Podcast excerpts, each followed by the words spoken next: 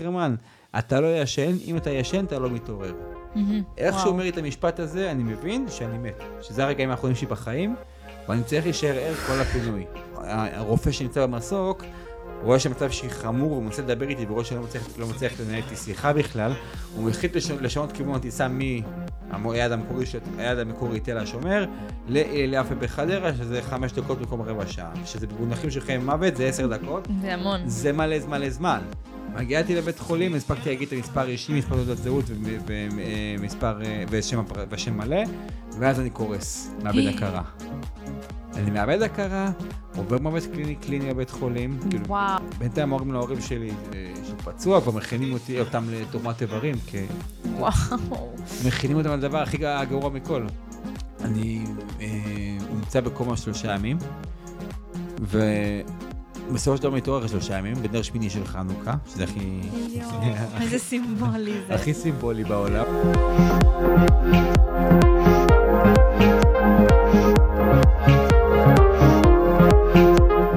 ברוכים הבאים לאינבוקס של מישל לשיחות בלי פילטר, והיום אנחנו עם דרור זיכרמן. שלום. שלום. Uh, טוב, אני אציג אותך קצת. Uh, טוב, בעצם דרור הוא מאמן כושר ובעל הסטודיו ספרו פיטנס, מרצה, ואני ממש שיננתי את זה, אז אני פשוט אתן לך להציג את עצמך, כי זה לא, זה לא נקלט לי. רגע, מרצה לענייני פוסט-טראומה. מרצה על התמודדות. התמ... על התמודדות עם... עם פוסט-טראומה, והקשר של פוסט-טראומה עם אימוני כושר, והלום קרב ונכה צה"ל. הנה, בסוף זכרתי. כפר עלייך, כל הכבוד. זהו, אני פשוט רציתי שזה יישמע נכון. זהו, עשינו את זה. טוב, דרור, אה, לא נראה לי שאני צריכה להסביר כמה היה לי באמת חשוב לארח אותך אצלי. גם אמרתי את זה שנייה לפני שהתחלנו להקליט, שאני מאוד מתרגשת מהפרק הזה, כי אני חושבת שאתה בן אדם באמת מעורר השראה, עם סיפור שבאמת חייב לשמוע. חייב. אה, גם במדינה שלנו לא מספיק שומעים דווקא לסיפורים האלה, שבעיניי זה הכי צריך דווקא לשמוע עליהם. אה, אז אה, קודם כל, ממש תודה שבאת. זה ממש מובן לי מאליו. ואנחנו גם תכף נגיע לסיפור הזה של של הפוסט-טראומה וגם הטראומה הפיזית. אמ, אבל אה, אני רוצה קודם לחזור קצת אחורה. אה, בעצם, על, אני רוצה לדבר על דרור שלפני השירות הצבאי, כי זה תכלס טוויסט מעניין ממה שסיפרת לי קצת לפני. מה זה דרור שלפני השירות הצבאי? וואו, קודם כל, שלום לכולם, כיף להתארח פה. זהו, לא דיברת, אני כזה, נו, תגיד משהו, נו. אני בכיף, אני נותן מקום לכל אחד, אני אוהב, באמת שאני אוהב להקשיב. כן, ממש חמוד, אתם עכשיו תראו את זה. אה, אז קודם כל, שלום, כיף להתארח פה. כיף שאתה פה. נתחיל בעניין הזה של הדרור אה, שלפני השירות הצבאי. אני חייב רק לציין שאני לא זוכר יותר מדי. גם בגלל הפוסט-טראומה וגם, ב, אה, אני סוג של נולדתי מחדש מאז הפציעה שלי. Mm-hmm. אז הרבה דברים מלפני השירות, אני פשוט לא זוכר אותם, ואני זוכר כל מיני פלשבקים. וואו. מהבית ספר, מהלימודים, מהחברה, אני לא זוכר יותר מדי, כאילו פשוט, זה כאילו, את מכירה את זה, אתה נולד, אתה גדל, בדרך כלל אתה רואה את זה בסרטים, כאילו, אתה כן. נולד, גדל, מגיע לתקופה ופתאום בלק. משהו קורה, אתה לא זוכר שום דבר אחורה, אז אני במשך... כן, זה כמו שאני לא זוכרת כלום מלפני גיל 6 נגיד? כן, אבל... אולי פלשבקים קצרים של גיל 5 או איזה אירוע ספציפי. בדיוק, כי אתה היית קטנה, התפתחת, אז את לא זוכרת יותר מדי, זו התקופה של התפתחות. אז ככה זה היה אצלך? ככה זה אצלי, פשוט, אני לא זוכר כמעט כלום, אני זוכר, כאילו, אבל זה כמו אירועים כאלה שאתה יודע שהיית שם, אתה יודע שקרה משהו. אבל לא יותר מדי, כאילו. Mm-hmm. זה, הרוב אצלי זה מרגע הפציעה והלאה. Mm-hmm. ואני בעצם, אני אסביר לך את זה גם, אני אסביר לך את זה, עוד, משהו שעלול להישמע כמו כאילו זה נלקח מסרט. אני בעצם חי את היום הזה כל יום. את היום ש... את היום של הפציעה, אני חי בעצם כל יום, כאילו. Mm-hmm. כל יום מחדש. Mm-hmm. ובעצם להיות פוסט-טראומטי זה קודם כל לחיות את המוות שלך מחדש כל יום. וזה. ככה אני מתמודד. ו... היום אני, אני, אני פשוט, אני בדיוק דיברתי על זה היום גם, כי אני לומד תזונה, ואני לומד אה, אה, ייעוץ תזונה בווינגייט, והיום בדיוק העברתי איזה case study על עצמי, סיפרתי על הסיפור פציעה שלי. Mm-hmm. וסיפרתי על איך בן אדם רגיל חי, לעומת איך בן אדם עם פוסט-טראומה חי, איך אני חי את החיים שלי. Mm-hmm. אז אם בן אדם רגיל לצורך העניין, קם בבוקר 6, 7, 8, שותה קפה, אוכל ארוחת בוקר, הולך לעבודה ומעביר את היום שלו עד סוף היום. אז אצלי היום שלי מתחיל בשתיים בלילה. אני מתחיל בשתיים בלילה. סליחה. כן, דרור אה, הזהיר אותי שהולך להשתעל, אז כן, סתם שתדעו. מתנצל מראש. אה, אז היום שמתחיל בדרך כלל בשתיים בלילה, בדרך כלל אחרי שינה של שעתיים-שלוש, אני לא מצליח לישון כמעט בלילה. הגוף שלי לא... הגוף גם ה- היום? גם היום. וואו. אני מנסה, כן, אני כן מצליח, אני כן, כן מצליח להגיע עייף לשינה, ואז לפעמים אני ישן, מתעורר בשתיים בלילה, ולפעמים מצליח להירדם לעוד שעתיים או אולי שעה, ואיכשהו מצליח לשרוד. אבל לרוב אני קם בשתיים, שלוש, כל הגוף קשה, מכווץ, כואב, ולאט לאט אני מתעורר ו... וחוזר לעצמי, ואחרי הרבה עבודה מנטלית, אז כמה אתה מאוד. ישן בלילה? בממוצע שלוש שעות, שלוש-ארבע שעות. וזה מספיק לך? לא, זה לא מספיק לי.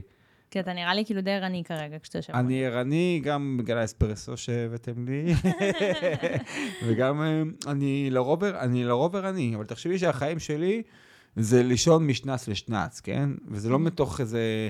אני לא אוהב לישון שנצים, אני, אני לא נהנה משנצים, כי, כי כשאני ישן שנץ אז כואב לי הגוף, וגם שינה שהיא שנץ, מהמם.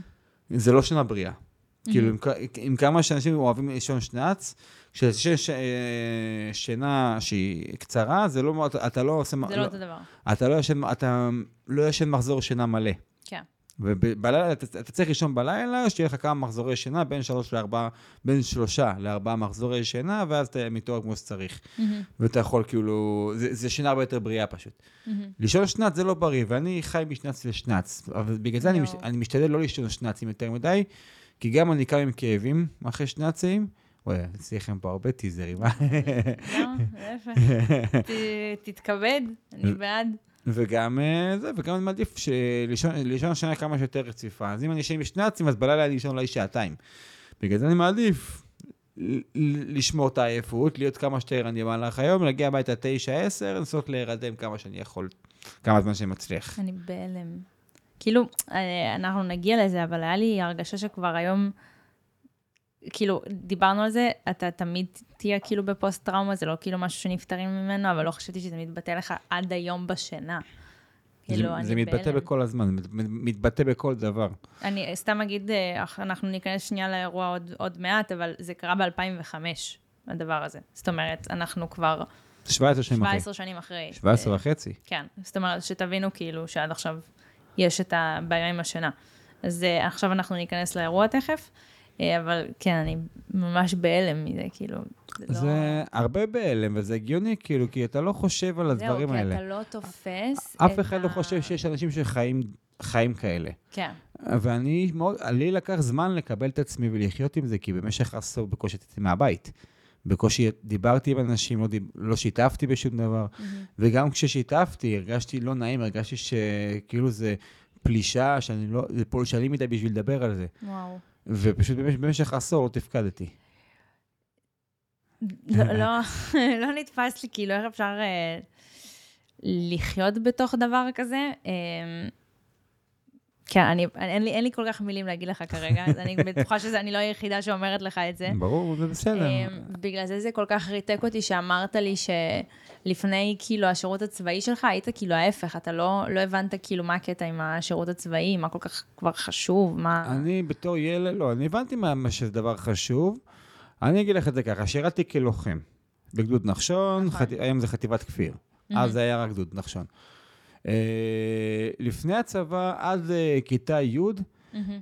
אם מישהו היה שואל אותי מה אתה רוצה לעשות בצבא, אז אני, אני הייתי רוצה להיות איש מחשבים, כי בתור ילד אהבתי מוזיקה, אהבתי מחשבים. לא היו לי הרבה חברים, ולא הייתי כוכב של החבר'ה, והייתי כזה ילד חנון, חמוד, מגודל קצת, שמנמן, אוהב מחשבים, אוהב... אה, שמנמן גם. זאת כן. אומרת, אף- גם כושר היה רחוק ממך. כן, כושר זה רק בשנים האחרונות, כאילו, כמה, ש... כמה שנראה לך שאני עכשיו, כאילו, זה...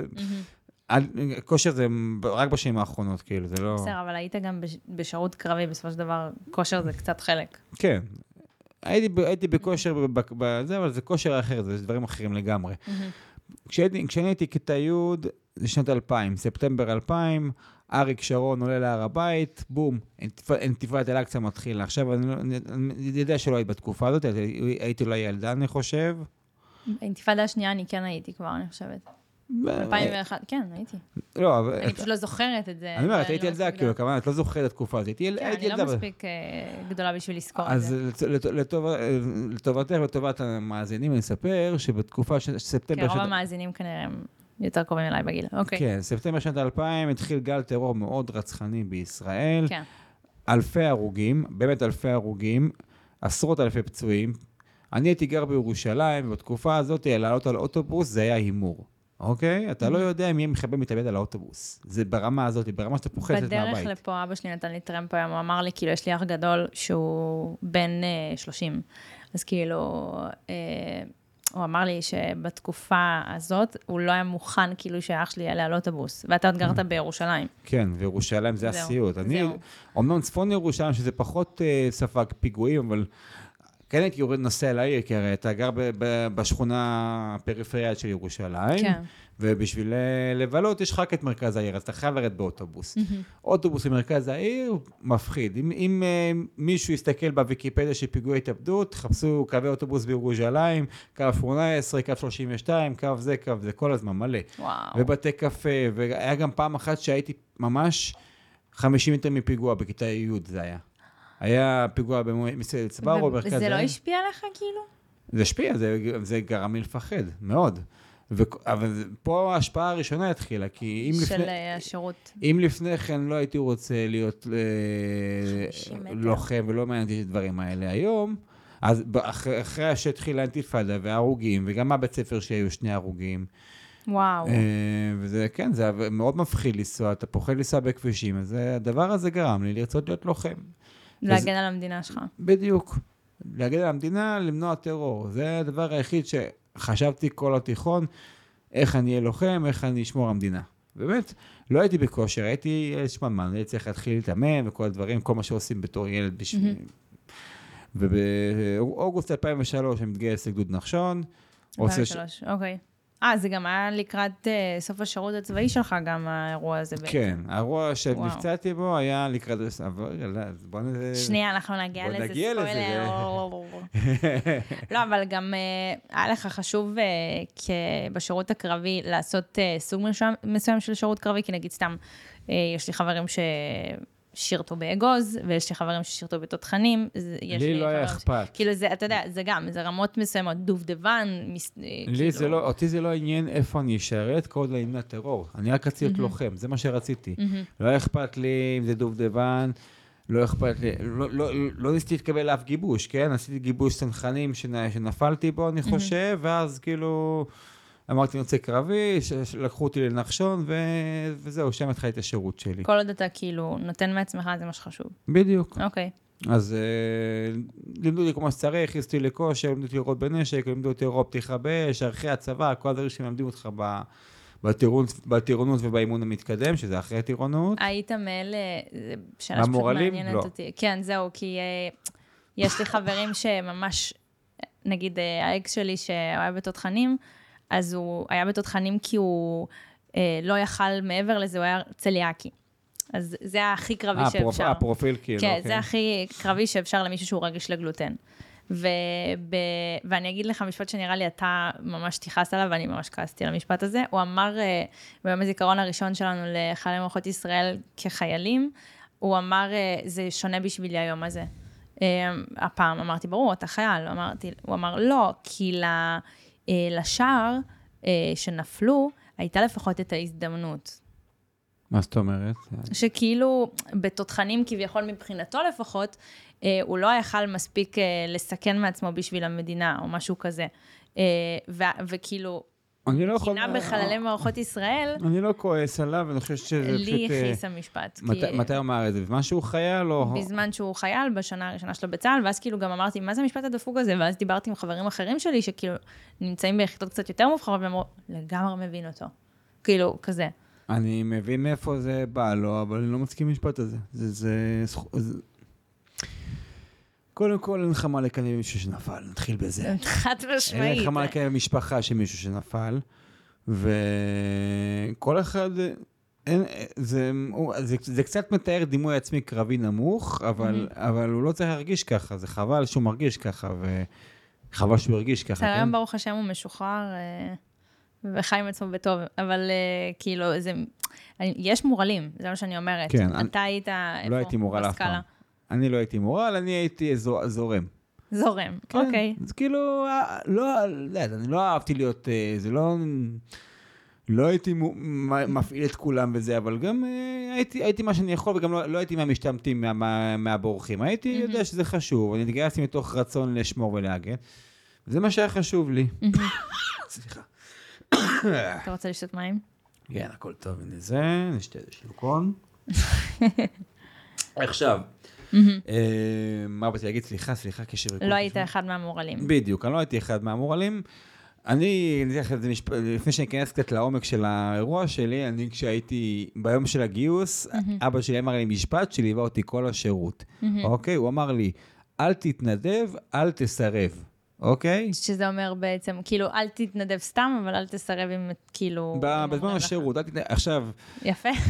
בוא נגיד שביום הראשון שלי בצבא כבר למדתי, למדתי לקיים המשפט הזה נכון. ביום הראשון, שצריך להישאר שבת, מיש- אל תתנדב להישאר אל שבת. תתנדב להישאר שבת, ואז אתה מגלה שאחד, אז אם, אתה מגלה שאם אתה לא מתנדב, אז מנדבים מישהו להישאר שבת, ואז אחד החבר'ה שאמרו לו, "אתה- אתה נשאר שבת, הוא סירב להישאר שבת, ואז הוא קיבל שבת. כן, מי מסרב להישאר שבת? זה ו- כאילו one on one של חיילים. אתה בדיוק, לא- ו- מי אתה שתסרב? אבל באותו, תחשבי שבשנייה אחת המשפט הזה הובן לי, אל תתנדב ואל אל תסרב. תסרב.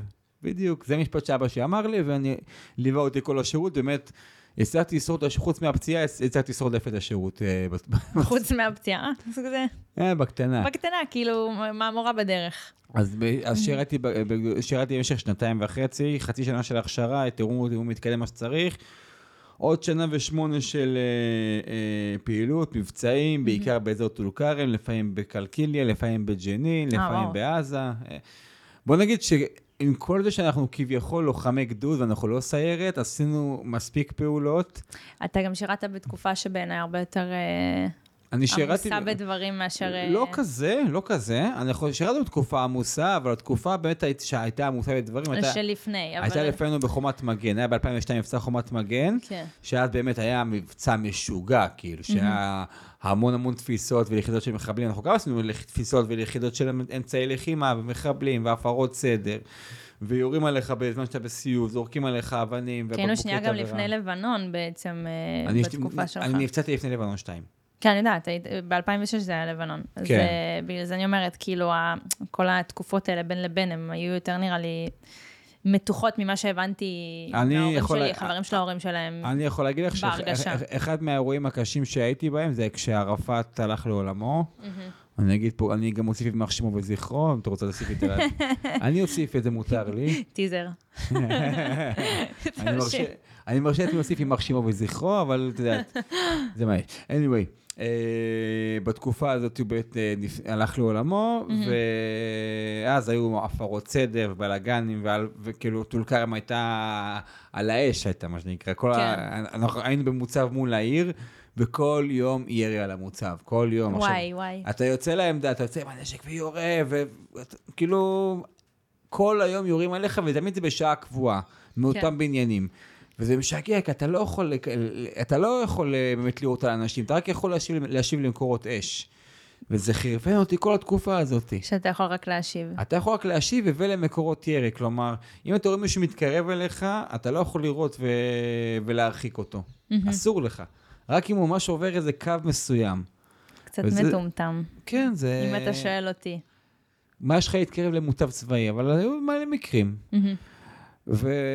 אבל רוב השירות שלי באמת זה היה סיור בתוך העיר, זה היה, היינו עושים על אלמנות קש, אלמנות קש זה שאתה נכנס לתוך, אה, לתוך העיר או לתוך, ש- או לתוך כפר, אה, פושט על בית, שם אה, אה, הסוואה ועושה תצפית ל- לעבר אה, מקום שמחפשים בשביל, ל- ל- ל- ל- או, או בשביל לאבטח יחידה מובחרת כלשהי, או בשביל מודיעין. מהמם. ואתה באמת פוגש אוכלוסייה, אתה יושב לאנשים בתוך הבית. אתה יושב פשוט למשפחה בתוך הבית, ואתה יודע, אתה, אתה צריך להתנהל עם, גם עם זה שאתה חייב לעשות את המודיעין, את התצפית, כן. וגם עם זה שיש לך, אתה, יש לך. משפחה שאתה צריך כמה שפחות לת- אה, לגרום להם לסבל. וכאילו- זהו, יש שם עכשיו, מעניין אותי לדבר על זה, כי בעולם החיצון הרבה פעמים תופסים אותנו, כי אנחנו גם משמידים את המשפחות, ואנחנו גורמים סבל לכולם. קיים. וזה, לא כאילו, קיים. זהו, מה, מאיפה שאתה היית בשירות הצבאי שלך, אתה מסכים עם האמירה הזו? לא, אני חושב שהיא שקרית וחרטא- גדול. אני לא אומר שאין חיילים אלימים שעושים דברים רעים, אבל זה מקרים... בסדר, אבל בודדים. זה חיילים, זה לא המערכת וזה מערכת- לא האג'נדה של המערכת. המ- האג'נדה של המערכת היא להשתמש ב- ב- במקרים מסוימים להגנה. ואף פעם אין, אין אה, התעללות, וגם כשנכנסים לתוך הבית, גם מפצים את המשפחה, וגם נותנים להם את היחס הכי טוב שאפשר, עד במסגרת התנאים שיש. כן. נגיד, תמיד אני, אני הייתי דואג, אני, היינו עושים משמרות, אחד מתצפת ומישהו בפנים, הייתי דואג למשפחות, אנחנו, אני גם, שיתפנו להם את הבית גם, וגם אם, אם הם ביקשו, הם לא, כאילו שאלנו אותם קודם. ודאגנו שאם יש תינוק אז שיאכל, שיקבל אוכל, ודאגנו שילכו לשירותים מתי שהם צריכים, ואם הם צריכים לצאת מהבית לצורכי לימודים ודברים כאלה, אז דאגנו שיצאו מהבית ודאגנו שיחזרו. יפה, וזה לא, וזה זה ממש... צבא מוסרי. בהחלט, מוסרי. מדי אפילו, כי זה היה רמת סיכון מאוד גבוהה, הדברים האלה. כן. וזה, תחשבי שכל איזה שבועיים אנחנו עושים פעילות כזאת. כל שבועיים. כמעט. זה יכול לחרפן, אבל כן, זה חלק מהדברים שאתה מודע לזה, שאתה עושה הגנה למדינה. ותחשבי על זה ש... אה, מלא פעמים תפסנו אמצעי לחימה וחומרי מודיעין ודברים שצריכים, וכל התפיסה כזאת, אתה יודע, אתה מרגיש שאתה עושה משהו שאתה נותן, נותן מעצמך. כל מחבל או מבוקש שאנחנו תופסים, או סייען כלשהו שאנחנו מביאים למ- למשפט, וואו. אתה מרגיש שאתה נותן משהו. ואני הייתי ג'ובניקית, הייתי מש"קית ביטחון מידע. בסדר, אה, עשיתי גם דברים חשובים, כל לא- כל עוד לא ענת קם זה כבר טוב. אה, חד משמעית, אבל אני תמיד רואה את זה בא לידי ביטוי במצב מתוח במדינה, נגיד אם יש אה, אה, גל פיגועים, אם יש, אה, נגיד עכשיו, אה, אחרי המבצע וזה, אני רואה את זה עליי ועל חברים שלי שעשו, הש- כל העברית שלי התקלקלה, שעשו שירות אה, צבאי, נגיד, יש לי חברים באגוז ויהלום וזה, אז כאילו, אם יש מצב כזה, אני מסתגרת בבית, אני לא יוצאת מבתים, כאילו, זה, הם עושים, מה הבעיה שלך? כאילו, בואי, אה, כאילו, כי בשבילם, אחד מהם אה, במבצע בשומר חומות ראה רקטה נופלת כאילו 200 מטר ממנו, זה ראה משהו אחר, זה עשה ככה וככה, דברים שאני כנראה עוד לא יודעת. אז כאילו, אני, על עצמי אני רואה את הדברים האלה הכי ב... במצבים המתוחים האלה, שהפרספקטיבה שלנו כל כך שונה, כי הם חוו הרבה יותר בשירות שלהם, אין מה לעשות. בסדר, אבל זה לא, את יודעת, כל, כל אחד נותן מה שהוא יכול, את יודעת. אה, חד משמעית, אני, אני לא בן אדם שנראה לי יכל להתגייס לקרבי, כאילו, נראה לי אני פחות חומר של קרבי. אה, אני חומר של ארגון, ו... נתת מה שאת צריכה, זה כן, אני מספיק. חומר של ארגון, ובשמירה על הארגון. וזה מה שעשיתי הכי טוב. נתת מה שאת צריכה בצבא, זה מספיק, לא צריך יותר מזה, באמת, כאילו, אני- בכלל חושב שיש יותר מדי אנשים בצבא ולא צריך כל כך הרבה לגייס, אבל זה... כן? בטח. מעניין אותי. צבא, זה, זה, אני לא רוצה להיכנס יותר מדי, כי זה, זה, גם אותך. זה גם הזמן שהפודקאסט וכזה, אבל בקטנה. בגדול, בצבא יש יותר מדי חיילים, יותר מדי אנשים, ולדעתי צריך לשחרר לפחות חצי מהם לשירות לאומי ול... ולהתנדבות במקומות בארץ, כמו קשישים, כמו אה, אה, חקלאות או דברים וואו. כאלה. זה מה שאני חושב שצריך לעשות. הדור שלי הרבה פעמים מדבר על זה. זה כאילו- הדור שלך צודק, הדור, הדור, הדור, זהו, של- אני פחות שומעת את זה מאנשים הדור שלך זה חבר'ה. מאוד חכמים, ואני מאוד תופס מהדור שלכם, כי אתם, כמות המידע... זה לא מובן מאליו, הרבה פחות תופסים מהדור שלנו. הדור של... תראי, ברור שיש אצלכם את כל ההזיות, כן? אבל- זה מה שרוצים שיחשבו. אני הרציתי בבתי ספר על הפ- על הפציעה שלי, על הכל, ואני נתקלתי בנוער מדהים, אוקיי? זה שרוצים ל- להציג אותם כנוער אח גדול כזה כולם, זה ממש לא ככה. יש כאלה, לא דווקא אומר שלא. השירות הצבאי והמודעות אליו אה, עלתה יש, יותר אצלנו. יש המון מודעות, וזה גם חשוב שתהיה מודעות, בשביל זה גם אני מעביר הרצאות, זה מאוד חשוב. אני חושב שאנחנו צריכים לדעת איפה אנחנו חיים, אני חושב, אני חושב שזה, כיום שאנחנו במדינה שהיא יותר שפע, ואנחנו לא ב... הרי ההורים שלנו גדלו בהישרדות, הס- הסבא והסבתא שלי גדלו בתקומה, הס- ההורים שלי גדלו בהישרדות, כלומר, מלחמות ותקופות צנע וכל מיני דברים כאלה. שלי עלו כאילו, כן, מברית של- המועצות, בכלל היו צריכים... שנות אה, ה-90 כזה? כן, שלי עלו מברית המועצות, הם גם, זה, אז הם פחות, ללמוד- הם פחות בהישרדות, כי המדינה כבר לא הייתה בהישרדות שהם עלו. זה לא הישרדות שאתה מדבר עליה, אבל אה, להורים שלי ללמוד שפה חדשה בגיל 30, זה... כן, זה הישרדות כלכלית בעיקר. לאימא שלי שינתה מקצוע, אה, איך קוראים לזה? היה גם, אה, על אימא שלי זרקו אבנים הרבה פעמים, אה, כי לא מבינים את השפה, ואז פתאום הולכים ל... לא יודעת, חופים חרדים, זה אה, כאילו גם... גם אה, רוסים הרבה פעמים לא משתלבים, אז הרבה פעמים אה, כעסו על זה אז, כי אתה יודע, כן. אה, רצו בישראל להשתלב, אבל לא משנה. יש לנו פשוט זמן מוגבל, ואני מאוד רוצה להספיק לכסות איתך את הכל, אז אני כן רוצה שנתקדם. ו... אה, מה- מה שרק באתי להגיד, למה תופס מהדור שלכם, כי- היום אנחנו בתקופת שפע. נכון, צודק, סליחה. גם אנחנו וגם הדור שלכם, שזה מבין, יש יותר מידע ויותר, אה, ואלה שרוצים להתגייס לקרבי היום זה מדהים. זה מבחינתי אנשים מדהימים, למרות, למרות כל מה שהם שומעים בתקשורת הצבא, אז כן, אני כן חושב שיש הרבה דברים שאפשר לעשות. Anyway, נגיע לאירוע שלי. כן, אנחנו צריכים להתקדם טוב. לזה, לצערי, עם כמה שאני יכולה לדבר איתך באמת שעות, אני אחד האנשים שאני הכי התרגשתי לארח פה. נכון, נמשיך לזה אחרי אה, אז, אה, הקאט. אז האירוע כן. שלי קורה בשנת 2005, אני חלק מצוות סיור, אה, אני שירתי, שירתי בגזירת טול כרם. אני כבר לקראת שחרור, אני כבר מתכנן מה אתה רוצה, מה, מה אני רוצה לעשות אחרי הצבא, איפה אני רוצה לעבוד, איפה אני רוצה. ללמוד. ואנחנו עולים לסיור, וזה, חמש, וזה שש, שמונה בבוקר, סליחה, שש בבוקר, שש בבוקר אנחנו עולים לסיור, ארבעה לוחמים. את האירוע הזה אתה ממש זוכר? זוכר, זוכר כאילו זה קורה עכשיו, אוקיי? וואו. ברמה הזאת.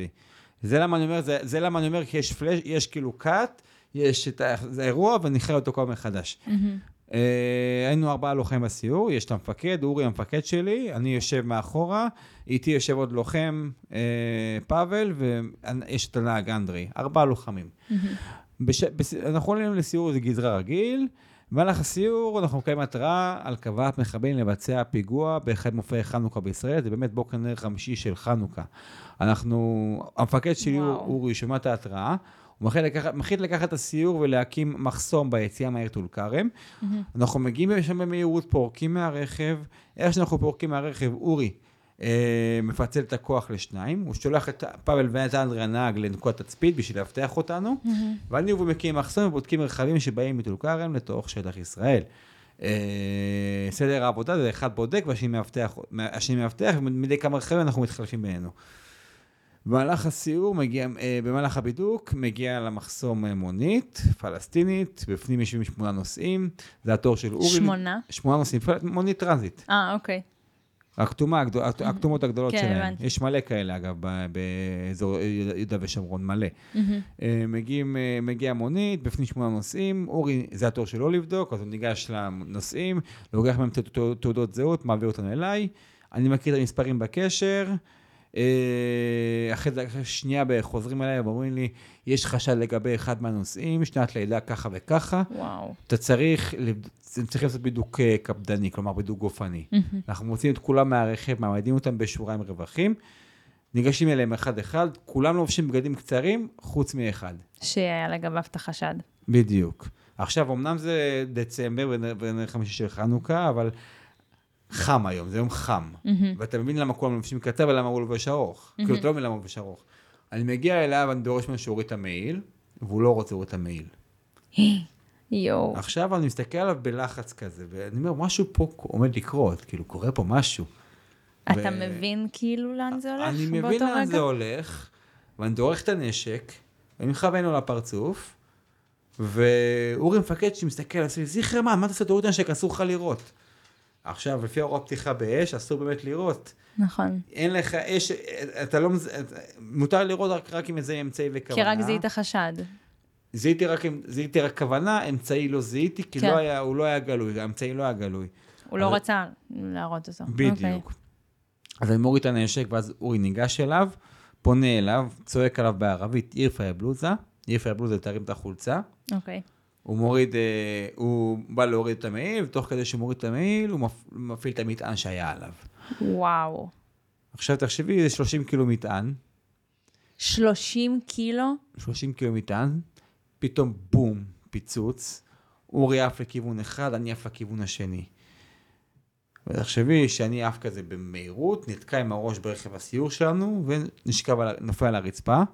בזמן הזה אני שומע עוד פיצוץ, בהתחלה נשמע שיחת צרחות של אורי, אחרי שנייה נשמע עוד פיצוץ, כי הרימון, של... לאורי היה רימון פה בכיס, וכתוצאה מהרסיסים וואו. של המטען, אז הרימון של אורי מתפוצץ גם. מה, מה? הרימון של אורי אה. מתפוצץ גם. ואורי נהרג באירוע. ואני וואו. באותו רגע קם על הרגליים, כל הגוף שלי אדרנלין, כי תחשבי, אדרנלין משוגע, אני כזה קם, לוקח את הנשק, מתחיל לירות, לירות, לירות, אני לא יודע אפילו איפה אני יורה, כי הכל מסך עשן, אוקיי? תחשבי שלפני שנייה היה פה רכב, רכב, כביש, סיור, אה, אנשים, פתאום הכל כמו איזה שדה- קרב כזה. ואני מתחיל לירות, לירות, לירות, לירות, פתאום בום, אני מנסה, נגמרת לי המחסנית, אני מנסה לראות עוד טיפה, עוד טיפה, לא מצליח, סוחט את ההדק, ואז פעם נופל אחורה. נגמר לי כל הכוח בגוף. תחשבי, כל הכוח בגוף נגמר לי, ואני נופל אחורה לרצפה שכוב על הגב. וואו. מעליי יש מסך עשן, כאילו עדיין נשאר רסיסים של העשן הזה, ריח מאוד מאוד חזק של פיח, ושתי הרגליים שלי בוערות מאש. עכשיו, אני לא אני יכול. לא מתארת לעצמי את הסיטואציה, אני כאילו בן אדם מאוד חזותי, אני לא מצליחה אפילו לחשוב על איך זה אמור אני להיראות. יכול להגיד וואו. לך שאני מבין אותך לגמרי, כי גם לי קשה לתאר את זה כל פעם. גם לי קשה להאמין, וואלה, fuck, זה מה- זה המצב. זה משהו שעברת, זה משהו שבן אדם אמיתי עבר, זה... אוקיי, תמשיך, סליחה. אני פשוט בהל... אני גם בהל... אני מבין אותך, כי אני גם בהלם מזה כל פעם שאני מספר את זה, אני, אני פשוט חי את האירוע. ברגע שהבנתי, אני אגיד על זה גם כשאני אגיע לפוסט-טראומה לדבר על זה, אני באמת חי את האירוע הזה כל יום גם מחדש. כרגע, אה, כאילו, אני מניחה שזה לא ככה מבפנים, אבל אתה מדבר על זה כאילו, כי אני מספרת מה עשיתי היום. כן. כאילו באותה מידה. בדיוק. אז היה. אז אוקיי. ככה זה מה שהיה פשוט. וואו. והרגליים שלי בוערות, תחשבי רגע שאני על הרצפה שכוב, אני מחכה לאיזה... אה, ש, שמישהו יפנה אותי, שמישהו ייקח אותי, אה, יטפלו בי, אבל 30 שניות, 30 שניות ואף אחד לא מגיע. תחשבי מה זה של, ש, ש, שניות, זה יחידה שהיא לא שווה כלום היום, אוקיי? זה כאילו... יחידה שעוברת כל כך מהר. פתאום היחידת זמן הזאת נהיית כל כך משמעותית בחיים שלך. וואו. אתה יודע שכל שנייה ש... שאתה, הרגליים שלך בוערות והגוף שלך שבור על הרצפה, זה, זה יכול להיות השנייה האחרונה שלך בחיים. והיא עוברת כמו נצח, ונצח. תחשבי 30 שניות כאלה, אפילו יותר, אני לא יודע בדיוק כמה זה היה, אבל פתאום באיזשהו נראה לי שלב, כל אחת שנה. ממש, ברמה הזאת, שזה נרגיש כמו נצח. ותחשבי, וגם כל ה... הכל עובר בסלואו מושן פתאום. ברגע ש... מהרגע של הפציעה ועד הבית חולים, שאגב, הגעתי בהכרה מלאה לבית חולים, אני גם מגיע לזה עוד רגע, הכל עבר לי בסלואו מושן. פתאום שני החיילים האחרים, פאבל ואנדרי, חותכים את העשן, מגיעים עד אליי, מכבים לי מהר את הרגליים, גוררים אותי מאחורי רכב הסיור, מורידים ממני את הווסט, מורידים ממני את הנשק, קוראים, מז- מזעיקים חילוץ בקשר, ומתחילים טיפול ראשוני. אני כולי גמור מעייפות, רוצה להירדם. גמור מעייפות, אני בטוחה. כן, אבל תחשבי שאתה... To say the least. המחשבה היחידה שיש לי זה, מטפלים בי, אני ארדם, אני אגיע לבית חולים, הכל בסדר. ואז מגיע ג'יפ שהם הזמינו לחילוץ, שהגיע ממש במהירות, כי כנראה שהוא היה בשטח. הגיע במהירות, פורקים שני חובשים מה, מהרכב, מגיעים עד אליי, אחד מהם אגב זה חבר טוב שלי, שאני אחד החברים הכי טובים שלי. מגיעים עד אליי, ואז אחד החובשים מסתכל, והוא... הוא, יש דבר שנקרא נקודות לחיצה. נקודות לחיצה זה אומר שיש מקום, מספר מקומות בגוף שאי אפשר לשים עליהם חוסם עורקים ולעצור את הדם, אז אתה צריך ללחוץ מאוד חזק. מהמם. אז תוך כדי שהוא לוחץ חזק במפסעה, אה, הוא אומר- לי, הוא רואה שאני רדום, אז הוא אומר לי, זיכרמן, אתה לא ישן, אם אתה ישן אתה לא מתעורר. מהמם. איך וואו. שהוא אומר לי את המשפט הזה, אני מבין שאני מת. שזה הרגעים האחרונים שלי בחיים, ואני צריך להישאר ער כל הפינוי. אז תחשבי מה זה במשך 4-5 דקות, 6-10 דקות, אני לא יודע כמה זמן, אני צריך להישאר ער ולהגיע לבית חולים ער. ובאמת, הוא מציל לי את החיים, זה הבן אדם שמציל לי את החיים. החבר הכי טוב שלך. היום. לא הכי טוב, אבל חבר טוב. מהמם. זה יודעת מה החבר הכי טוב, זה... אני לאחרונה חידשתי איתו קשר אחרי תקופה ארוכה, אה. ו... אה, זה אחד האנשים הכי זהב שאני מכיר, באמת, זהב כן, טהור קצת הבן תציל אדם. אותך. כן, זה באמת הציל אותי הבן אדם. ומפנים אותי לבית חולים, מעלים אותי מהר למסוק, אני לא אכנס יותר מדי לפרטים, אבל מעלים אותי מהר למסוק, במסוק כבר יש רופא, הרופא רואה שהמצב שלי מחמיר, תוך כדי אה, טיסה הוא משנה את כיוון הטיסה, תוך, סליחה, הייתי בדרך של טלפון, אה, תוך כדי הטיסה, תוך כדי... נויה תהרוג אותך, אמר לך לשים על אה, שקט. זה על שקט. אה, על שקט זה לא טיסה, אני שמתי על טיסה, תמשיכו, אני סתומה. הלאה. סורי. אה, טוב, תוך כדי, תוך כדי, קצת אתנחתה קומית, תמשיך. תוך כדי שאני על המסוק, הרופא שנמצא במסוק, רואה שהמצב שלי חמור, והוא מנסה לדבר איתי, ורואה שאני לא מצליח, לא מצליח לנהל איתי שיחה בכלל, הוא מחליט לשנות, כיוון הטיסה מהיעד המקורי, היעד המקורי תל השומר, יפה בחדרה, שזה חמש דקות במקום רבע שעה, ושזה במונחים של חיים ומוות, זה עשר דקות, זה המון. זה מלא זמן. זה חיים ומוות, באמת. בהחלט, הוא מגיע עד לבית חולים, להלל יפה, מוריד, אני בהכרה מלאה, הוא מוריד אותי מהמס, מהמסוק לאלונקה, מכניסים אותי מהר למיון, איך שאני נכנס למיון, הכמות פרטים גם שאתה זוכר, כאילו זה אני זוכר את. הכל, אני פשוט לא רוצה להיכנס להכל, כי זה כל כך לא, הרבה אני פשוט, פרטים. כאילו, שאתה, אתה בקושי אומר שאתה זוכר משהו מלפני, ופה אתה גם מתאר לפרטי פרטים בפחות ממה שאתה יכול בגלל הזמן, זה זה, מטורף. זה, אני אגיד לך את זה ככה, בגלל, כשאתה נמצא ב... קודם כל, כשאתה אתה חווה את האירוע ש... אה, שפירק לך את החיים, שינה לך את החיים, אתה תזכור אותו כל רגע, לא, כל אני פרט. יודעת, אני פשוט... אה, וגם זה אחת הסיבות שאני זוכר, גם שהייתי בהכרה- מלאה. כל הפינוי. כל Mm. הפינוי בהכרה מלאה. מגיעתי לבית חולים, הספקתי להגיד את המספר אישי, מספר תעודת זהות ומ- ומספר, אה, ושם ושם מלא, ואז אני קורס, מאבד הכרה. אני מאבד הכרה, עובר מוות קליני קליני בבית חולים, כאילו. כתוצאה מעיבוד דם, נש- במשך- נשאר במשך שתי דקות, ואז אני... אה, אתה זוכר, כאילו, יש אנשים שאומרים ש...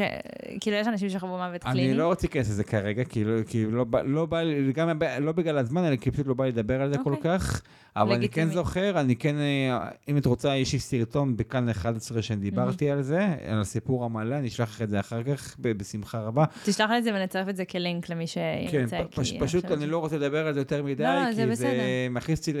ל- חד משמעית, אל ת- אל ת- אפילו תסביר. הלאה. כן. אז אני אה, בבית חולים, מצילים אותי ממוות קליני.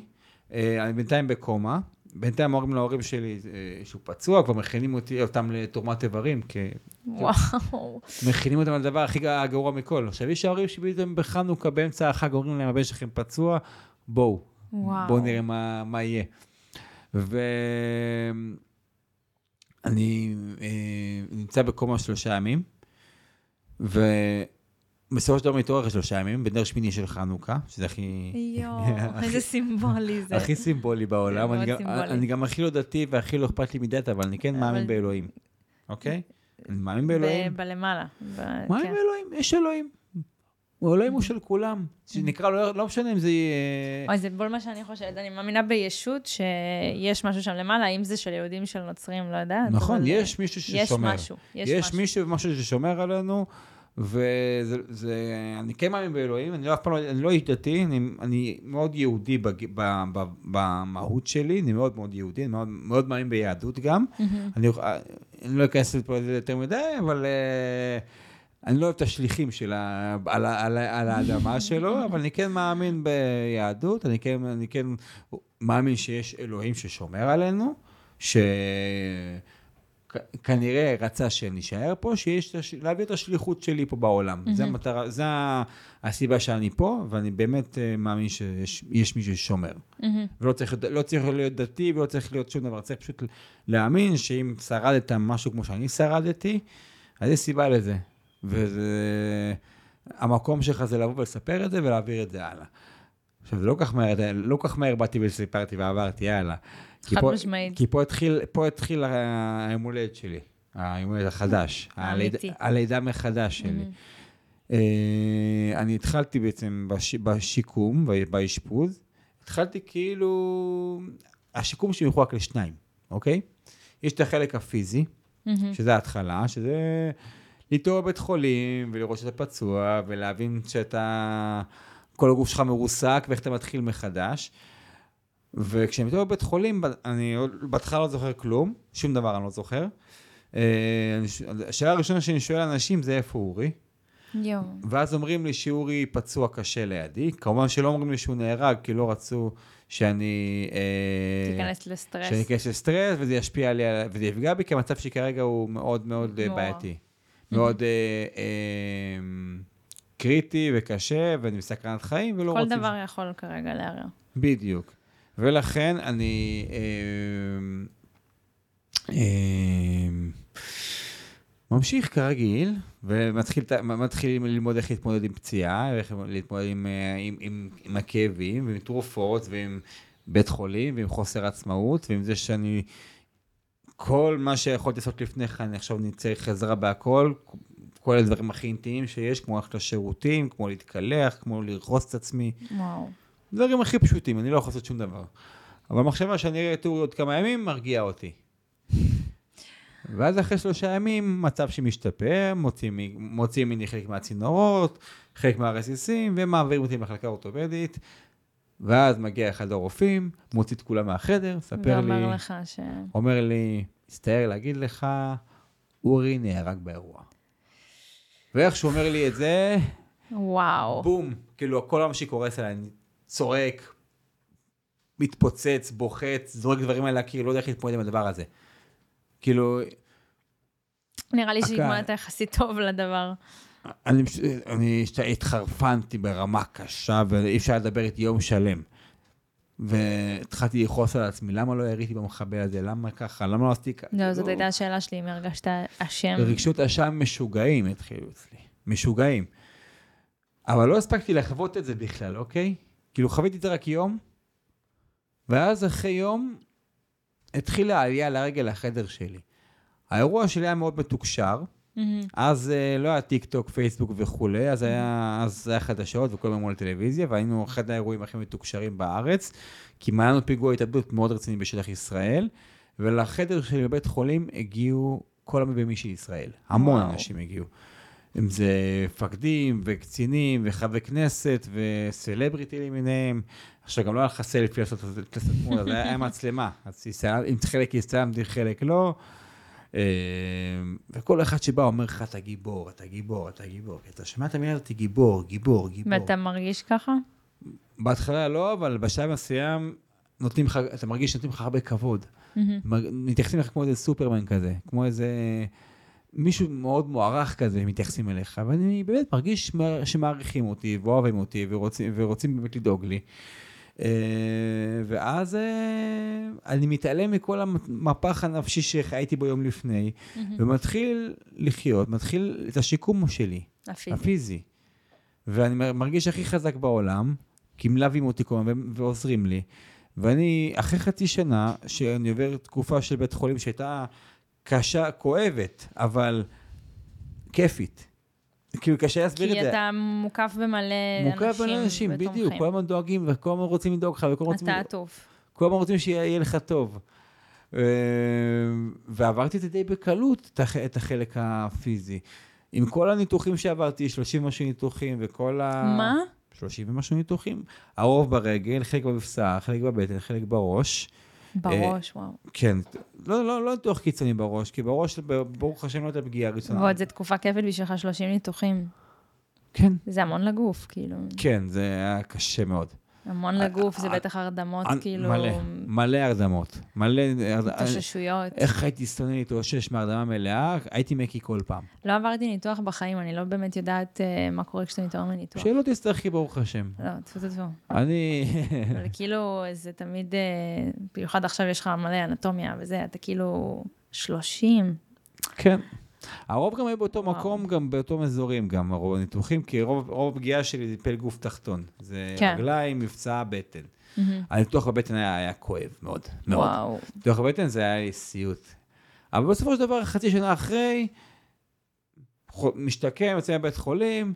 מה אגב, בעצם הנזק שנגרם לך נטו פיזית כרגע? בעיקר רגליים. הרגל שלי ממש מרוסקת, החליפו לי את הכל שם. כאילו, זה, זה, זה הרגל שלי, זה לא, זה לא פרוטזה, כן. אבל, החליפו לי, אבל החליפו לי הכל בפנים. אבל יש לי פשוט כאילו פחות שריר, פחות עצם, פחות זה, אבל יש רגל. זה, ואין תנועה בכף רגל והקרסול לא מתפקד. וואו. אבל בסדר. כאילו זה... עד עכשיו זה ככה, יש לך פשוט כן, איזה... כן, יש מכשיר הליכה שעוזר לי ללכת, עוזר לי גם לרוץ אגב. פעם, לא יכול, פעם הייתי יכול לחלום לרוץ, עם מכשיר הזה אני יכול הכל לעשות. וואו. זה מכשיר משוגע, כאילו. מהמם. שאין אותו, אותו יש, בארץ יש גרסאות uh, די uh, נחותות שלו. צר לי להגיד את זה, כן? הלוואי מתישהו זה ישתפר, כן? אבל כרגע זה... בעזרת השם. אה, כרגע זה רק בחו"ל נוסעים, ובאמת מכשיר מדהים. בתקופה הזאת גם מגיע פסיכיאטר לבית חולים פעם אחת, ואני, איך שהוא מגיע לבית חולים, אני אומר לו, אני לא מעוניין, לא רוצה לשמוע, לא אכפת לי. למה? כי אני לא רוצה, לא, לא רוצה לדבר על נפש, מה, מה לי ולנפש עכשיו? מה אתה בא לבדוק אותי? אבל למה? כי אני גיבור. למה זה מה שאתה... כי אתה גיבור? אתה באמת מאמין בדבר הזה? באותו רגע כן. באותו רגע אני אוקיי. מאמין שאני גיבור, וזה לא מעניין אותי. מה, אני צריך, מה, מה עכשיו אה, פסיכולוגי? מה אני צריך את הדבר הזה? אני מגרש אותו מהחדר, והוא לא חוזר יותר. והוא אומר, אומר לי, משפ... אומר לי, אין בעיה, אני אלך, קח את המספר טלפון, שיתקשר, תצטרך. מהמם, ככה אומר לי, ויוצא. מהמם. ואני בחיים שלי, ומשתחרר אחרי, אחרי חצי שנה בבית חולים, מחליט שאני רוצה לעשות טיול של אחרי צבא, דרום אמריקה. במשך שנה וחצי, שנה, שנה הולך לבית חולים וחוזר לטיפולים, מה שצריך. אחרי שנה וחצי אני כבר חוזר ללכת, ושנתיים מהפציעה אני עושה טיול דרום אמריקה, טיול של אחרי צבא. מטורף. כן. ופה הייתי אמור להגיד לך שסיימתי את השיקום וחזרתי לחיים והכל טוב ויפה. אבל זה רק התחיל בעצם. אבל פה התחילה הפציעה שלי, פה התחילה ההתמודדות האמיתית עם הפציעה שלי. כי זה התחיל ב... אה, זה...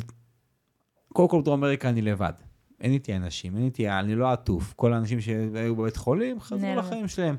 זה חזר לעבודה שלו, זה חזר לחברים, כל אחד חזר למקום שלו. כמובן שאם הייתי רוצה הייתי יכול בקשר איתם, כן? אבל כל אחד חזר לחיים שלו.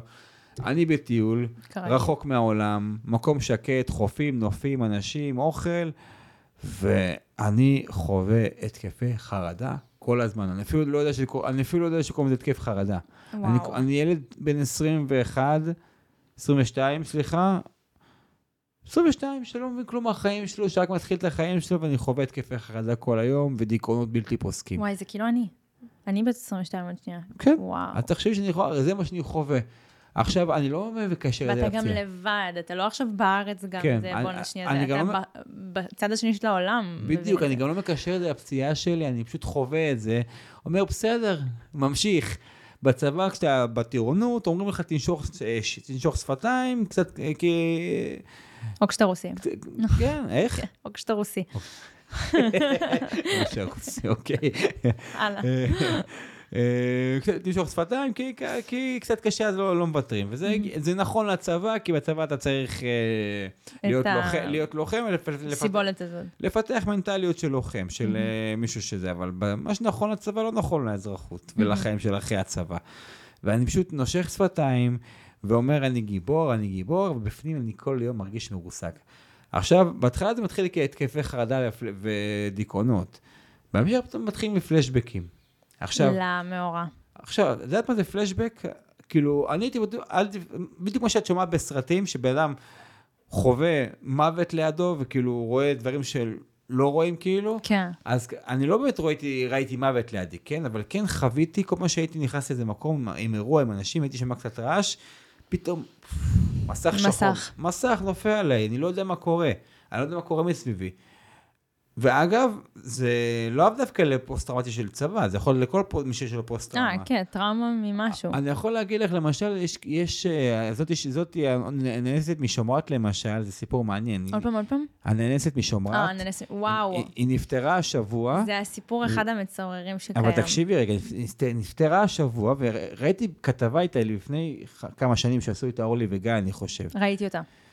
יש ראיתי. איזשהו שלב בכתבה, שהיא הולכת לאיזה מקום כזה, אה, לא יודע, הוצאה לפועל כזה או משהו, עורכי דין, וכשמתחילים לדבר איתה ומציפים אותה במידע, פתאום את רואה בן אדם הבן אדם ריק, אתה רואה את זה. נתק. נתק, נתק. נתק, כאילו אין עם מי לדבר, אז ככה אני הייתי. ככה אני הייתי, בנתק הזה שאני לא יודע מה, מה קורה מסביבי, אני לא יודע מושג, אני פשוט מרגיש כאילו במלחמה. כאילו יש מחבלים פה ויש אנשים פה, ואני צריך להציל את האנשים ולמצוא נשק, ולמצוא כיתת כהנות וללבוש מדים ולחפש את היפות שלי, ואיך. אני עכשיו מציל את הסיטואציה, וכל יום אני חווה את זה. באמצע דרום אמריקה. כן, ברור אמריקה, טיול, זה פתאום בום, צבא, מלחמה, רימונים ו- ו- וארטילריה. בום, זה מה שאני, שאני חווה. ואני לא מספר את זה לאף אחד. ואני כל, כל לילה אני מתעורר מזיעה, או שאני משתין על עצמי באמצע שינה, ואני לא שולט על הסוגרים שלי, ואני לא יודע איך לדבר על זה, אני כאילו מרגיש בושה מאוד גדולה, בושה מאוד קשה. מתי כאילו... אני חוזר, קורה לה, אני חוזר? לארץ, אגב, אני כל הזמן מחייך כלפי חוץ. אה, זהו, אני כשחקנית הרבה פעמים, אה, כשאתה לומד את ה... יש שיעור כזה, אתה לומד אה. כשאתה... איך אתה מספר משהו שגרם לך סבל. כי בן אדם שלומד משחק, הרבה פעמים ילך לפרצוף העצוב, ולדמעות, ולזה, ואז המורה שלי משחק אמרה לי, שימי לב, שמישהו עבר משהו, דווקא מלווה את זה בהרבה פעמים של חיוך, במבוכה, ב... הכל טוב, הוא אומר. הכל טוב, הרבה פעמים הפרזה הכל הזאת. טוב, זה- תזכרי את הדבר הזה. אני קלטתי את זה עליך, אני רציתי להגיד את זה, אגב, אני באמת ראיתי את זה עליך, שאתה... כאילו, ככל שהדבר יותר נורא, החיוך שלך גדל. זה, זה באמת משהו... כי באמת אני אומר, הכל טוב, אבל זה, זה כאילו, כן. אני יודע גם שגם שחרא לי, אני מר- אני מרשה לעצמי לבכות, ואני מרשה לעצמי. היום. אבל אני כן אז אומר, הכל טוב, כי באמת אני נושך שפת, נושך, זה, לא, זה כבר לא נושך שפתיים, זה לחרוק שיניים. ואתה מחייך כלפי חוץ, אבל זה לא באמת חיוך, זה פשוט להחזיק, חיוך, כזה. וואו. זה, זה, זה החיוך. יואו. אבל אני פשוט לא, לא מצליח לחיות. אני חוזר לארץ אחרי חצי שנה, מסתגר בבית, לא מדבר עם אף אחד, לא משתף אף אחד, ההורים שלי יודעים שקורה משהו, אח שלי וה- וההורים שלי יודעים שקורה משהו, אבל מה, אנשים נוספים רואים שקורה משהו? אני מנתק מכולם קשר, אין לי, אין לי קשר עם אף אחד, אני פשוט ניתקתי קשר עם העולם. אני חייבת לשאול על זה משהו. אתה מרגיש שהאנשים האלה, אם זה ההורים שלך, אם זה אח שלך, אם זה... אנשים שפשוט ניתקת איתם קשר, פתאום ראו שזה לא משהו שמתאים לדרור. היה משהו שהם היו יכולים לעשות? בתכלס, אני- היה משהו שהם הם לא היו יכולים יכולים לעשות לעשות? כלום, כי לא הייתי במקום לדבר איתם. לא הייתי, לא הייתי בפתיחות. אני לא ניתקתי מהם קשר, אבל כן, אה, לא, לא הייתי בקשר יותר מדי טוב זאת אומרת, איתם. לא היה שום דבר, כאילו, אפילו להכריח אותך ככה, כאילו, אי אפשר היה להזיז אותך משם. שום אוקיי. דבר. שום דבר. וואו. ופשוט אני במשך הרבה הרבה שנים ככה מנותק בבית, לא, לא יוצא כמעט מהבית, לא, לומד ועובד מדי פעם, אבל לא עושה יותר מדי. חי מהקצבה שלי של אגף השיקום, כי אני נכה, אז יש את הקצבה שלי, לא עושה כלום. בשלב מסוים, אחרי עוד לילה של חרדות, של סיוטים מהפציעה שלי, אני נזכר שהיה את הפסיכיאטר שביקר אותי בבית חולים, מהמם. אני מתקשר אליו בארבע לפנות בוקר, אחרי עוד לילה שמיטה מלאה בשתן, ומספר לו שאני רוצה לבוא, הוא מזמין אותי אליו לשיחה. בשיחה, כאילו, לפני, ש... באותה שיחת טלפון, הסטאפטקסט שלו היה, סוף סוף התקשרת, הגיע הזמן, כי הוא זכר אותי מהמשפט הראשון כבר. הוא זכר אותי. יואו. והוא כאילו ידע שאני אתקשר אליו, זה כאילו זימן את זה. אני מניחה שעכשיו גם כשאתה נמצא במקום שלך היום, היית, כאילו, אתה אומר, בטוח הילד הזה יתקשר. כאילו, הילד בן ה-20 הזה יתקשר. אין כן. מצב שהוא לא מתקשר. אוקיי. בדיוק, ואני מגיע אליו, ושיחה של שלוש שעות, ופעם ראשונה שבכיתי מול מישהו. פעם איך זה ראשונה ש- הרגיש? אתה זוכר? כ- אה, אה, הרגשתי בושה לבכות באותו רגע, כאילו, מבינה אותך, אה. יש, יש קטע כזה. גם אצלי הוא קיים. כן, זה, אני, אני, זה לא אני. קשה לבכות, אני קשה לבכות מול אנשים, זה מאוד קשה לי. אני יכול, היום, היום יש פחות בעיה, עדיין קשה לבכות, כאילו, נגיד שלפעמים כשאני מביא הרצאה, אז, אה, אז יש, עולה. יש דמעה שעולה. אני גם רואה עכשיו, כשאני מדברת איתך, העיניים שלך קצת יותר אה, כן, טיפה יותר אדומות, יש, יש גם גרון חנוק אם את שמה לב טיפה. אני שמה לב. כן, זה חלק מה, מה, מהעניין, מה לעשות. ו... אוקיי, מש- שיחה של שלוש שעות, ואתה... משתף אותו בהכל, ואז סוף השיחה הוא מסכם לי במשפט אחד פשוט, חביבי, אתה הלום קרב. אתה מתאר מצב של פוסט-טראומה. מאמין לו בהתחלה? לא, אה, לא, סליחה, אני כן מאמין לו, אבל אני בשוק. מהמם. כי אם עד אותו רגע היו אומרים לי פוסט-טראומה, אני המחשבה היחידה שהייתה לי, זה חבר'ה שאיבדו קשר עם מציאות. זה מאושפזים בשלוותה, זה אברבנל, זה חבר'ה עם אה, כל ה... שקשורים כל בידיים. בדיוק, חשמולים וקשירות. זה המחשבה היחידה שהייתה לי. ופתאום אומר לי, אתה הלום קרב, פתאום מבין שיש לי פוסט-טראומה, ואני כזה, fuck. איך אני מתמודד עם הדבר הזה? מה אני עושה? איך אני מתמודד עם זה? ו... כזה, משבר נפשי מאוד קשה באותו רגע. אבל מצד שני, יש שם לדבר הזה שאני סובל ממנו, כן, הפוסט-טראומה כשאתה הזאת. מגדיר, כשיש לך הגדרה, זה... יש שם, פתאום יש לזה שם. הקלה מסוימת. זה, זה לא דבר שהוא נדיר, זה דבר שהוא קיים, שהוא מוכר. אני פשוט לא לבד. פשוט בתקופה ש... שזה קרה לי, זה לא 2023, שהיום מדברים על זה, נכון. זה 2008-2009, של אף אחד לא יודע מה זה אפילו. שזה נדיר בכלל לדבר על... כן. עם פסיכולוג ו... בדיוק, ש... שגבר צריך להיות גבר, גבר צריך להיות גבר, צריך להיות חזק, צריך זה, פתאום... כן, גם עדיין חושבים על טיפול פסיכולוגי בתור... אה, מה, הוא מפגר? כאילו, מה הקשר? בדיוק, זה- בגלל זה לא הלכתי לשום טיפול, ואז אני מבין שצריך טיפול, אני מבין שאני צריך זה, אבל הבעיה היא שזה לא באמת עזר הטיפולים האלה, כי הייתי כבר במצב נפשי מאוד קשה. אה, ניסיתי לעבוד, ניסיתי ללמוד, ניסיתי מלא דברים לעשות. מלא דברים ניסיתי. הרבה תרופות לקחתי. ולא משנה מה עשיתי, בסופו של דבר מצאתי עצמי מסתגר בבית. כמעט עשר שנים. אתה כאילו רוכש אה, קשרים חדשים בזמן הזה? משהו? כן, אני רוכש בקטנה כזה, לא יותר מדי. יש אנשים שאני מכיר... אתה מצליח ליצור חיבור? אני כן חי במקומות מסוימים, אני כן נגיד אה, לומד, מהמם. ואני כן עובד במקומות, וכן בתקשורת עם הסביבה קצת, אבל בנתק, אוקיי? נתק לגמרי, כאילו... כאילו זה לא באמת אתה שעושה את זה, זה- זה משהו חיצוני. כזה. בדיוק, בגלל זה כשאני אומר לך, אני בכוונה הבאתי את הנאנסת משומרת, כי את רואה, אני בדיוק ככה. אני, אני מזדהה מאוד עם, עם, עם החוויה שלה, כי גם אני חווה את זה על עצמי. עוד אגב, חוויה שאני לא מבינה איך בן אדם עבר, זה גם משהו שאני לא מצליחה להבין, אני האונס גם... היא, היא, אגב, היא גיבורה... אני ראיתי את המחזה איזה כמה פעמים, כי פשוט כאילו רק לנסות להתקרב לדבר ולהבין זה, נכון. זה בלתי אפשרי, אבל אתה מנסה. נכון. אוקיי, תמשיך. אז אני כמעט כי יש לנו. מלא דברים ל- לכסות ואני כל כך רוצה.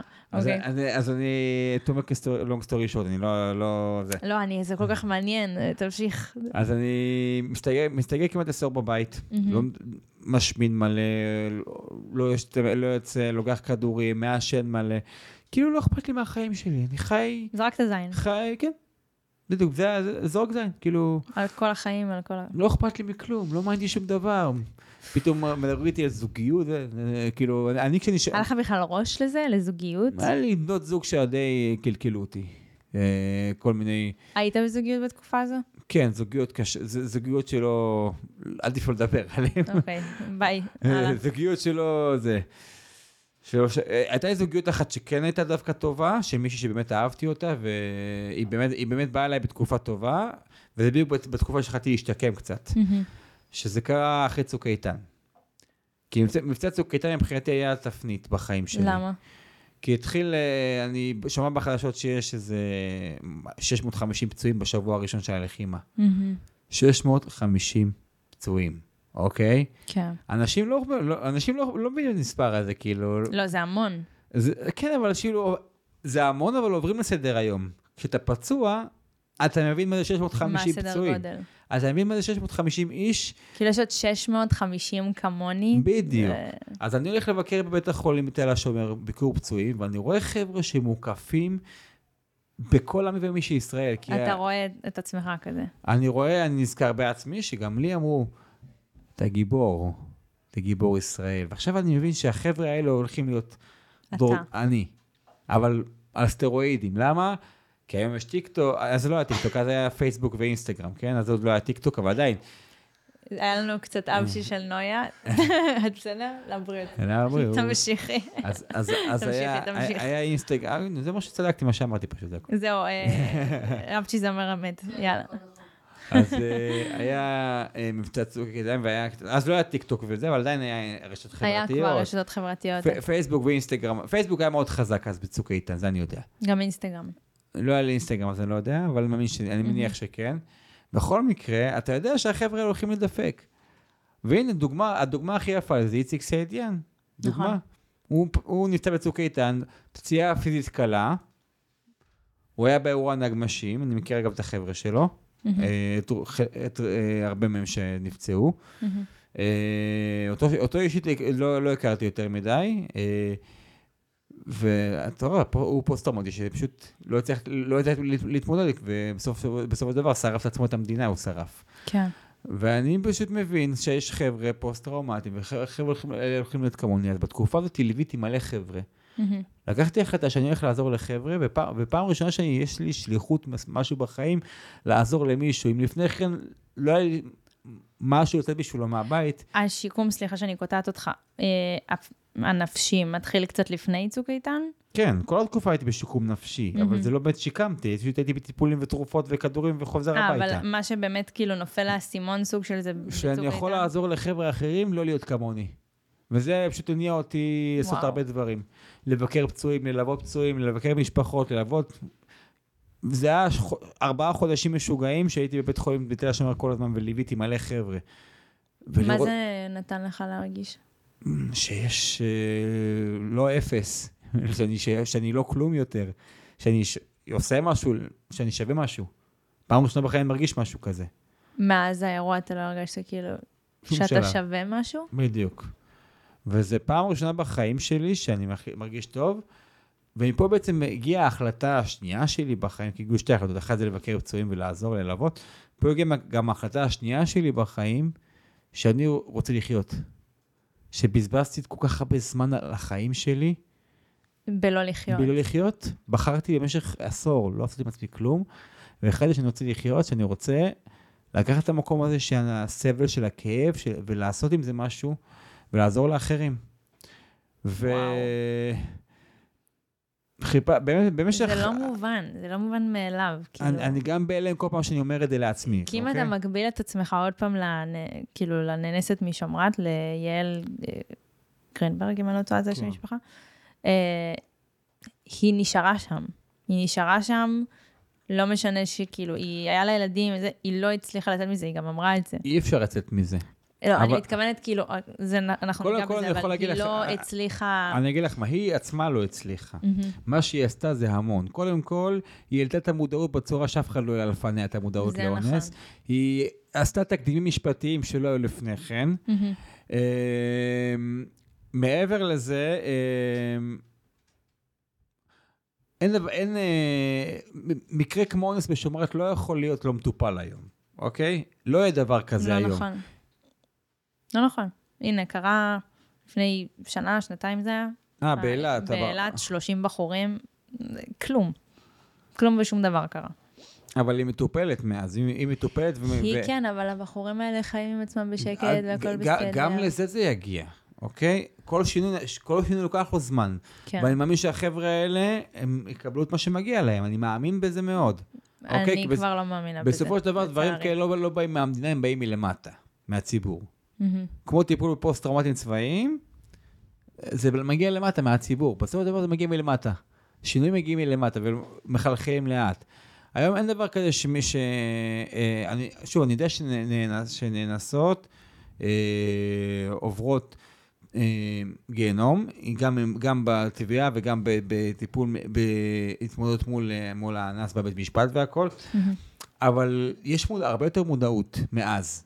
הרבה יותר מודעות. זה שיש יותר זה חד משמעית, אבל כעיקרון גם יש יותר מודעות לפוסט-טראומה, האם זה מספיק?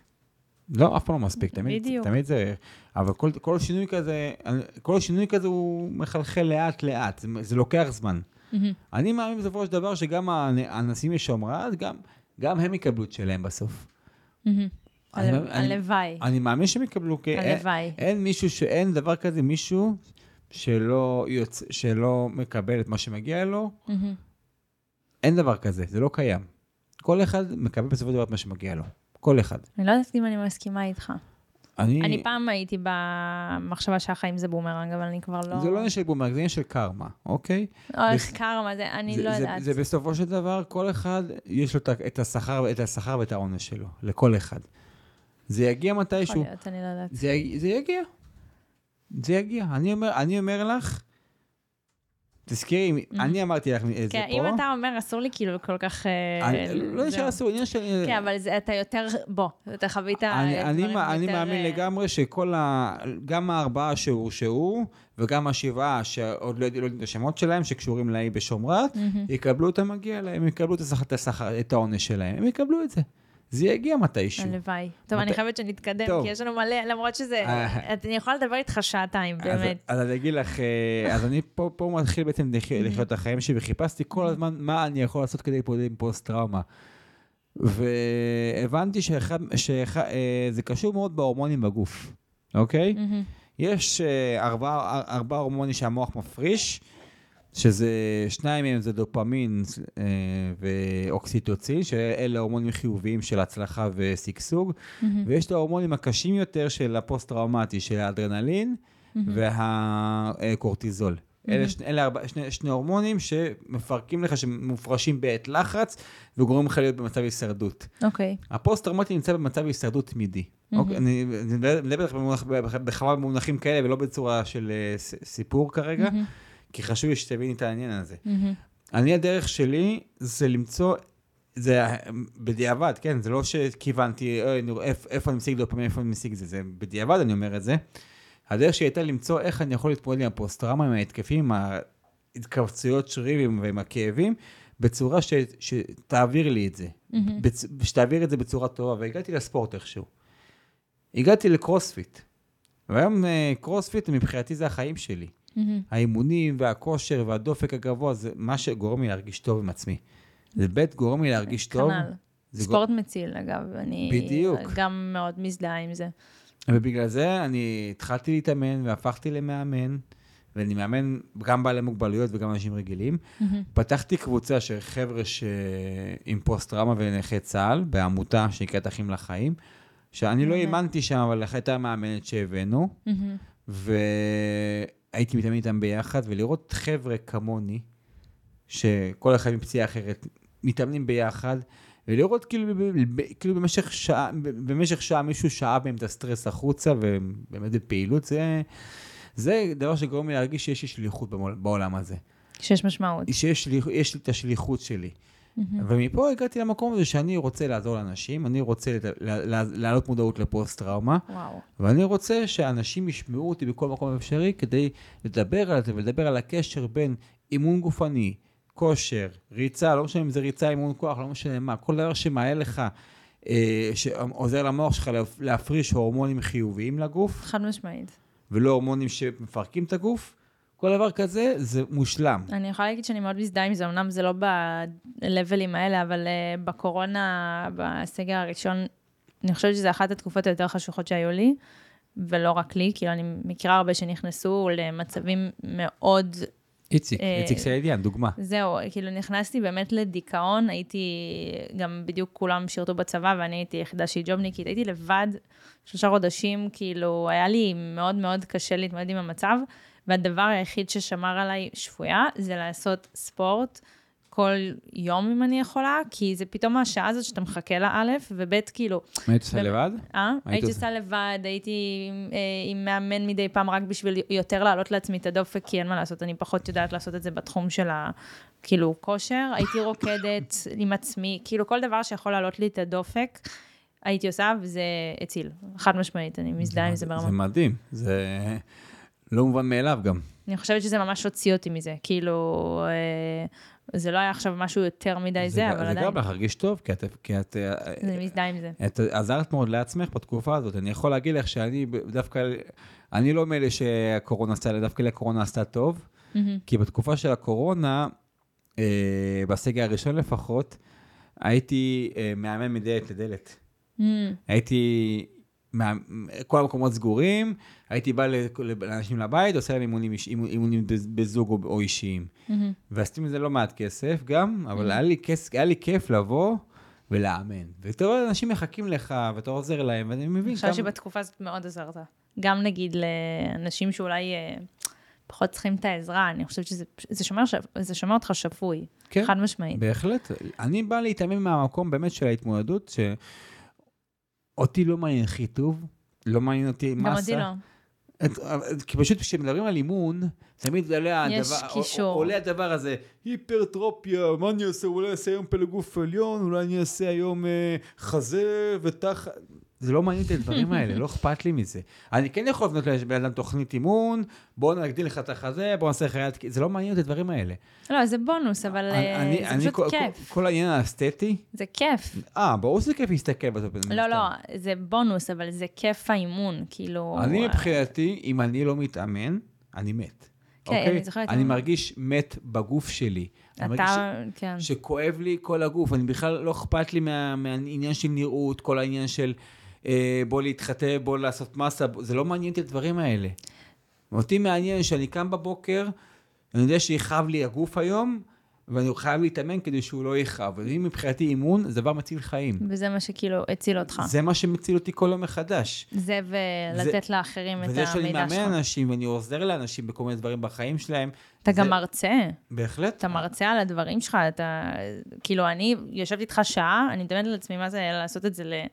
מלא אנשים, אני כאילו מאופנטת. את יודעת שה... שההרצאה הראשונה שלי הייתה באיזה מכינה, ולא תכננתי להרצות. כאילו, פתאום תוך כדי שאני יושב, אמרו, בוא קח 500 שקל, תרצה. אה, ברור.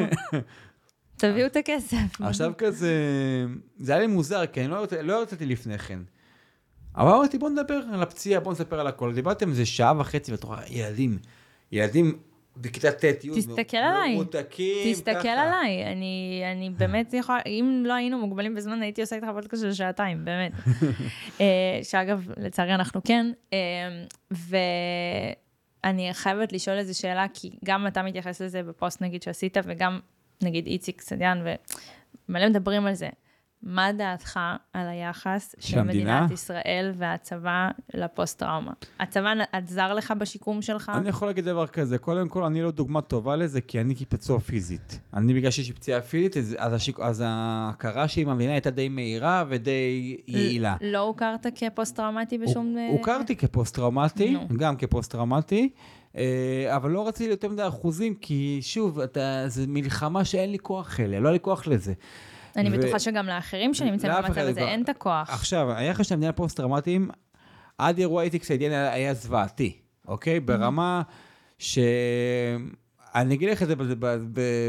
עד, עד איזה רמה זה יכול להגיע.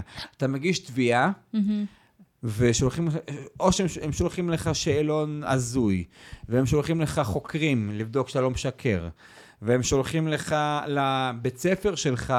איך אתה תשקר בדיוק? הם שולחים לבית ספר שלך אה, אה, בקשה לראות תיק אישי, האם בבית ספר היית ילד בעייתי. כאילו, אוקיי. דברים כאלה. אני בהלם, כי בוא ניקח את המקרה שלך. המקרה כאילו... שלי אבל הוא ידוע, כי יש לא, פציעה פיזית. לא, אבל ניקח את המקרה שלך. למה שמישהו יחשוב שאתה משקר, שרע לך בנפשך, אם ראית מישהו כאילו, א', מפוצץ לך את כל העולם שלך מול הפנים, עפת לכיוון אחד, המפקד שלך נהרג בד... איך אפשר לחשוב שמישהו ממציא את זה? זה... זה הגישה שלהם הייתה. כי אני יושבת פה ואני לא מבינה איך אתה בכלל יושב ומדבר איתי כאילו... כזה, כתמול שלשום כזה, הכל סבבה, הכל בדרך אגב. כאילו, איך אפשר בכלל לבדוק אם אתה ממציא את הדבר הזה? נכון, זה, מבינה, אבל, אבל ככה, הם, ככה הם עבדו. אז היה. ותחשבי שאנשים שאין להם פציעה פיזית, שאין להם מה להראות, שאין להם אירוע ספציפי להגיד הייתי שם בו, זה, הם עושים להם כאב ראש. ואז לא מטפלים בהם, והטיפול גם לקוי, וגם הטיפול, גם אם כבר מקבלים הכרה, הטיפול הפוסט-טראומטי הוא לא משהו. לא היה, אז לא היה משהו. גם עכשיו לא משהו, גם היום יש בעיות. ואני יכול, בוא נגיד, יש כמה חבר'ה בפייסבוק, בטיקטוק, שאני יכול להמליץ לעקוב אחריהם, שתראי כמה בעיות יש שם, אבל יש התקדמות, כי לאט לאט יש יותר הבנה. לצערי, כשאיציק שרף את עצמו, הוא שרף את המדינה. מה זה לצערי? לצ... זה... לצערי הוא, צריך לשרוף, לצערי הוא היה צריך לשרוף את עצמו כדי לשרוף את המדינה, כדי שהנושא יהיה למודעות וכדי שיהיה תהליך של שינוי. ועדיין זה, עדיין זה לא מספיק. זה לא היה מספיק. זה לא מספיק בכלל, כי יש הרבה דברים לעשות, מלא דברים. אני לא רוצה להיכנס פה לכל הדברים שיש קיש... יש קלסרים ככה, או כן, וגם לצערי אנחנו חייבים ממש את אותו לסיים. אז מבחינתי זה, אה, אוקיי. תמשיך, תמשיך, תמשיך, אני, אני איתך. אז אני אומר, מבחינתי, קודם כל, אה, זה זכות לבוא, אני, אני, אני, עשיתי, אני, עשיתי, אני הקטן עושה את המעט שלי שאני יכול לעשות, שזה אני לבוא... אני חושבת ו... שאתה לא עושה מעט גם. אם אתה שואל אותי. כן, אני לא עושה מעט, אבל זה המעט, אני אומר, המעט שלי... מהתמונה המלאה של כל המדינה, אוקיי, אבל כאילו... מה שאני יכול לעשות בשביל להיות מודעות, כי זה מבחינתי הדבר הכי חשוב. הגעתי לפודקאסט שלך, מבחינתי, לא יודע, כמה צופים שיהיו לזה, ילמדו על משהו חדש על פוסט-טראומה, וידעו להסתכל מסביבם קצת. אז זה לא רק זה, אני גם חושבת שכל מי שרואה אה, את ה... פודקאסט ומבין שכאילו, אם הוא מתמודד עם משהו, לא יודעת מה זה, בנפש אתה פצוע באותה מידה. כמו פיזי. אם אתה אם לא חולה לא במחלה. כאילו, זה כמו שאימא שלי אמרה לי, הרבה, פעמים, הרבה זמן לא רציתי ללכת לטיפול פסיכולוגי, בסוף לא הלכתי מעניינים של זמנים, אבל כאילו, הוצאתי את עצמי בזה, אבל אם לא הייתי מוציאה, הייתי הולכת. אבל אימא שאמרה לי, כאילו, זה שאם את הולכת לרופא כשכואב לך, או כשזה, את הולכת, נכון? כן. יפה. אז, אז תלכי, כאילו... נכון. סיים. אז, אז אני גם... אז אה, גם כשכואב. בנפש, הולכים לטפל. אגב, זה גם, אה, אני לא יודע אם את זוכרת, אה, היה בת הבחירות לא לפני כמה שנים.